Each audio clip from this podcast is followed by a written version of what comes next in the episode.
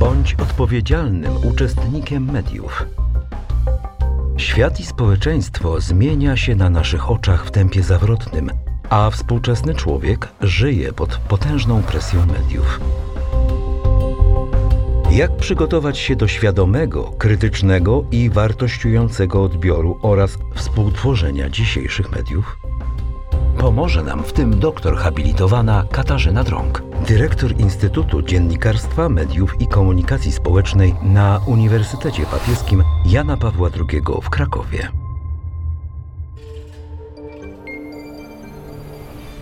Wykorzystaj media do własnego integralnego rozwoju.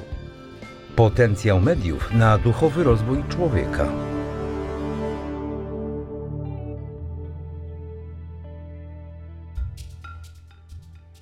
Wykorzystuj media do własnego, integralnego rozwoju. Media są naturalnym, codziennym światem naszego życia. Towarzyszą nam w każdej możliwej sferze naszej aktywności i nie da się od mediów uciec. Zresztą nie mamy potrzeby, by od nich uciekać. Konieczne jest, by właściwie z nich korzystać nie tylko chroniąc się przed ewentualnymi zagrożeniami ze strony mediów, ale by wykorzystać je do własnego, integralnego rozwoju. Czym jest integralny rozwój człowieka? Mówiąc krótko, to proces doskonalenia się człowieka aż do osiągnięcia pełni człowieczeństwa. Brzmi poważnie. Rozwój integralny człowieka oznacza jednoczesny i harmonijny rozwój wszystkich struktur biologicznych, psychologicznych, socjologicznych, światopoglądowo-duchowych, religijnych, aksjologiczno-etycznych. O integralnym rozwoju człowieka wiele mówiono na II Soborze Watykańskim. Sobór wskazał wyraźnie, że rozwój człowieka mają wspierać środki społecznego przekazu. Akcent ten, postawiony kilkadziesiąt lat temu, dziś jest tylko bardziej wyraźny. Można zaryzykować twierdzenie, że dzisiaj, w epoce niesłychanego rozwoju środków komunikowania, zlekceważenie sfery kultury medialnej w integralnym rozwoju człowieka jest po prostu niemożliwe. Mówiąc inaczej, integralny rozwój człowieka bez wzięcia pod uwagę mediów jest nierealny. Sobór Watykański II podkreślał: Jest właściwością osoby ludzkiej, że do prawdziwego i pełnego człowieczeństwa nie dochodzi ona inaczej, jak tylko przez kulturę. A przecież częścią świata kultury jest świat mediów. Nikt nie zaprzeczy, że nasza kultura stała się współcześnie kulturą medialną. Jan Paweł II bardzo radykalnie i krótko pisał, że jeśli środki społecznego komunikowania nie sprzyjają rozwojowi jednostki, tracą swoją prawomocność, a tym samym rację bytu – to ostre i klarowne spojrzenie, którym papież Polak wskazuje wyraźnie, czemu ma służyć nasza obecność w świecie mediów. Integralne wychowanie człowieka opiera się na trzech życiowych dynamizmach: samokontroli, samodyscyplinie i poświęcaniu wartości niższych wyższym. Wobec tego powinniśmy zadawać sobie pytanie, czy jestem bezwolnym użytkownikiem mediów, niesionym przez nurt? Czy samokontrola, samodyscyplina i etyczne spojrzenie na środowisko mediów są moją praktyką i codziennością? Oczywiście, że taki stan wymaga wysiłku.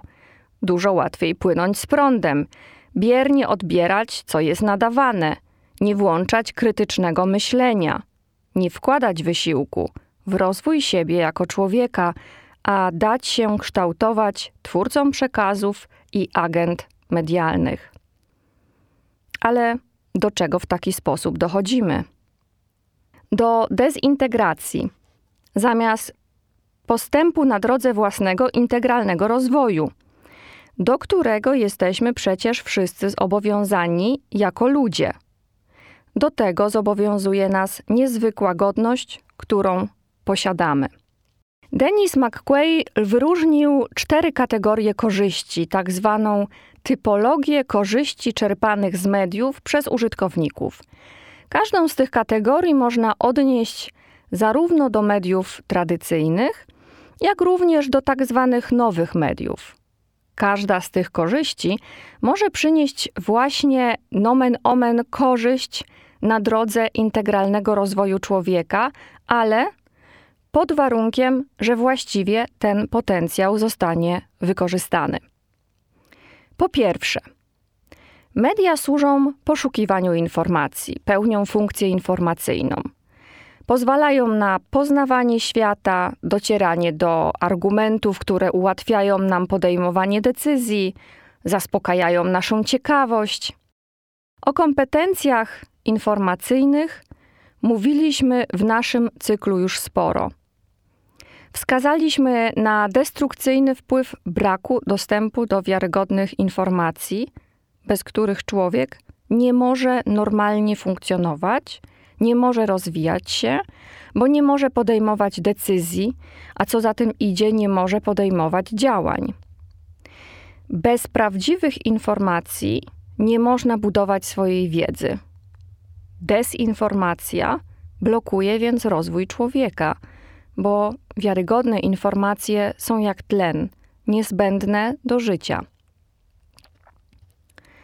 Po drugie, media służą do dostarczania rozrywki, pełnią funkcję rozrywkową.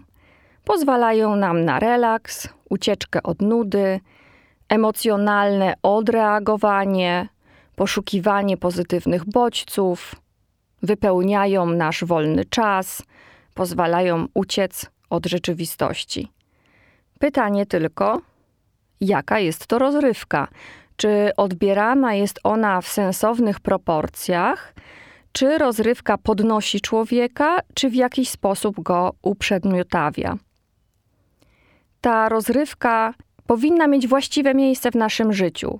Pytanie, czy nie jest jej zbyt dużo, ale równie ważne pytanie, czy tej rozrywki w naszym życiu nie jest zbyt mało. I nadmiar, i niedosyt rozrywki, relaksu jest niekorzystny dla rozwoju człowieka.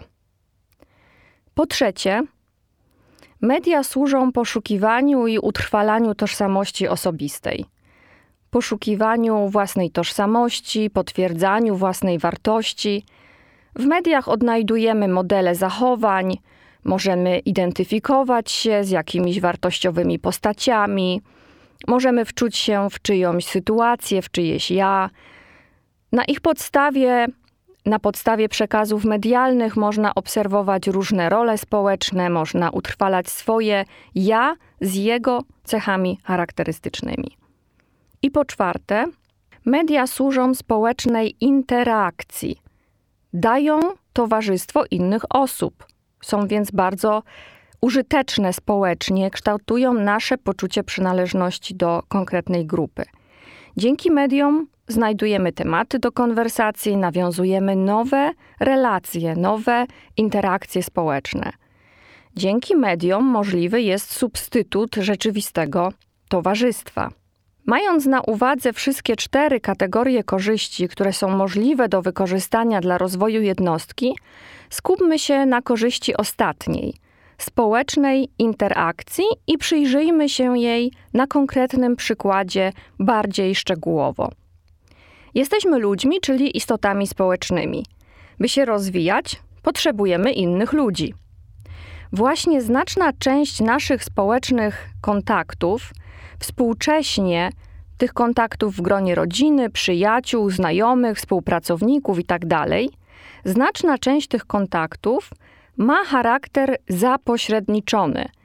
To oznacza, że nie spotykamy się z tymi ludźmi twarzą w twarz, ale używamy różnych narzędzi, by pozostawać w kontakcie.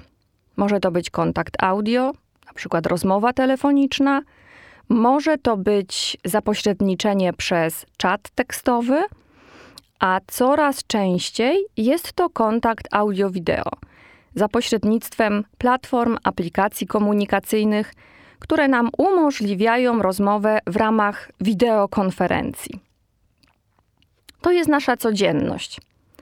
Zastanówmy się, w jakiej mierze takie aplikacje, możliwości techniczne przynoszą korzyści, a w jakiej szkody. Szukamy kontaktu z ludźmi, bo potrzebujemy relacji, by się rozwijać i to jest bezsprzecznie pożyteczne. Zapośredniczenie relacji z innymi można rozpatrywać dwubiegunowo. Z jednej strony świetnie. Mamy narzędzia medialne do nawiązywania, podtrzymywania kontaktu na przykład z najbliższymi. Dzisiaj, mimo dzielących nas odległości, długotrwałego rozstania, rozłąki, można pozostawać w codziennym kontakcie, można się widzieć, można się słyszeć. Z drugiej jednak strony, zapośredniczony przez media kontakt między osobami jest tylko substytutem relacji i o tym należy nieustannie pamiętać. Jest to substytut komunikowania interpersonalnego twarzą w twarz. Jest to substytut prawdziwego kontaktu, którego nie da się zastąpić niczym innym. Biorąc to pod uwagę, należy krytycznie spoglądać na beztroskie zastępowanie spotkania twarzą w twarz wideokonferencją. Narzędzie to jest pożyteczne, gdy nie mamy innej możliwości, ale nie może być wykorzystane jako zastępnik prawdziwych, realnych kontaktów z lenistwa czy wygodnictwa. Dlaczego? Bo wideokonferencja jest złudzeniem prawdziwego kontaktu. Nie możemy w jej ramach spojrzeć sobie w oczy, nie występujemy w kontekście, nie pokazujemy całej postaci, sylwetki, postawy ciała. Możemy sztucznie kształtować otoczenie, tło, na którym się prezentujemy.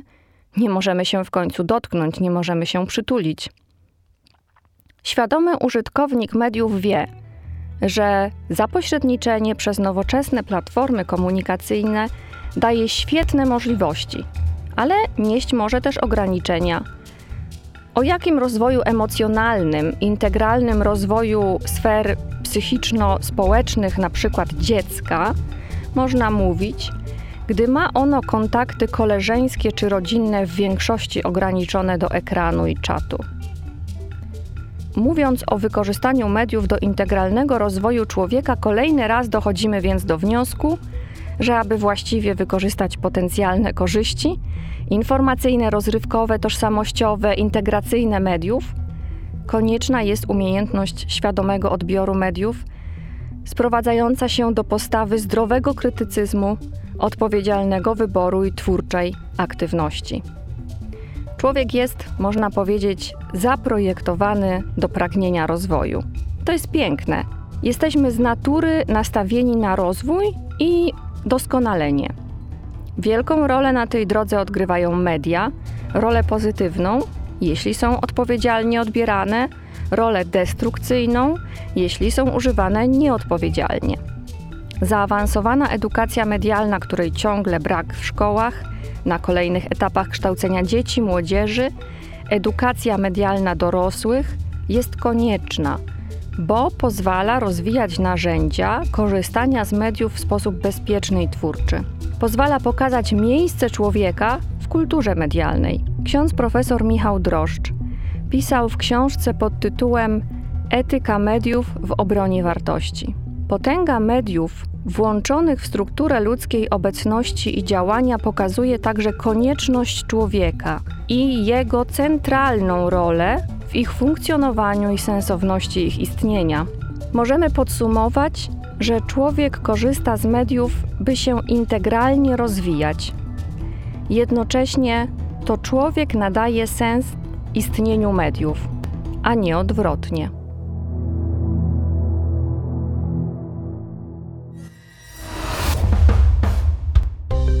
Audycja powstała przy współpracy z Instytutem Dziennikarstwa, Mediów i Komunikacji Społecznej na Uniwersytecie Papieskim Jana Pawła II w Krakowie. Autorem koncepcji cyklu jest ksiądz profesor Michał Droszcz.